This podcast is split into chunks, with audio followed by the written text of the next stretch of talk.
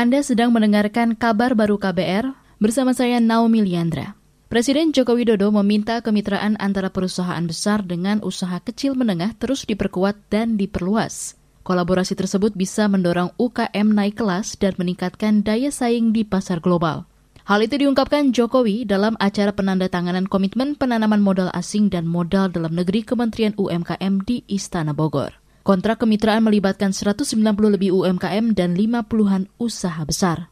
Saya juga mengharap agar UMKM kita mau terus belajar, terus meningkatkan kualitas produknya, terus memperbaiki manajemennya, terus memperbarui desain produk sesuai dengan keinginan pasar, kemasannya, semuanya diperbaiki. Dan agar bisa memanfaatkan kerjasama, kolaborasi dengan usaha besar ini untuk bisa menaikkan level kelasnya.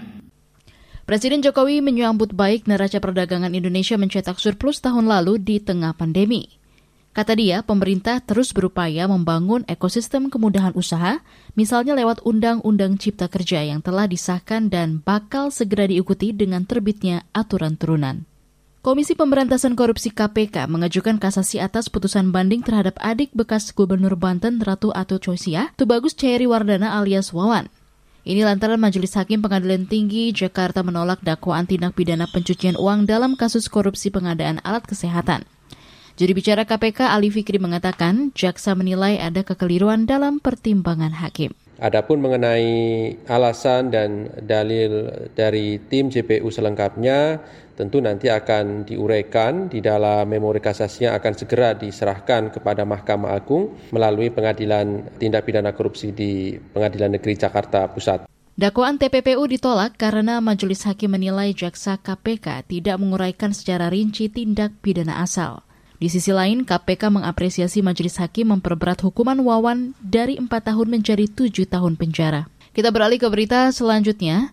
Presiden Amerika Serikat Donald Trump berencana meninggalkan Washington DC pada Rabu pagi tepat di hari pelantikan Presiden terpilih Joe Biden. Dikutip dari CNN, Trump dikabarkan akan menggelar upacara perpisahan di pangkalan udara militer gabungan Andrews. Selepas itu, ia diperkirakan bakal langsung terbang ke resort pribadinya di Palm Beach, Florida. Sejauh ini, Trump telah menyatakan tidak akan hadir dalam acara pelantikan Biden. Ia juga belum mengakui secara gamblang kemenangan rivalnya dalam Pilpres maupun memberi ucapan selamat. Demikian kabar baru KBR. Saya Naomi Liandra.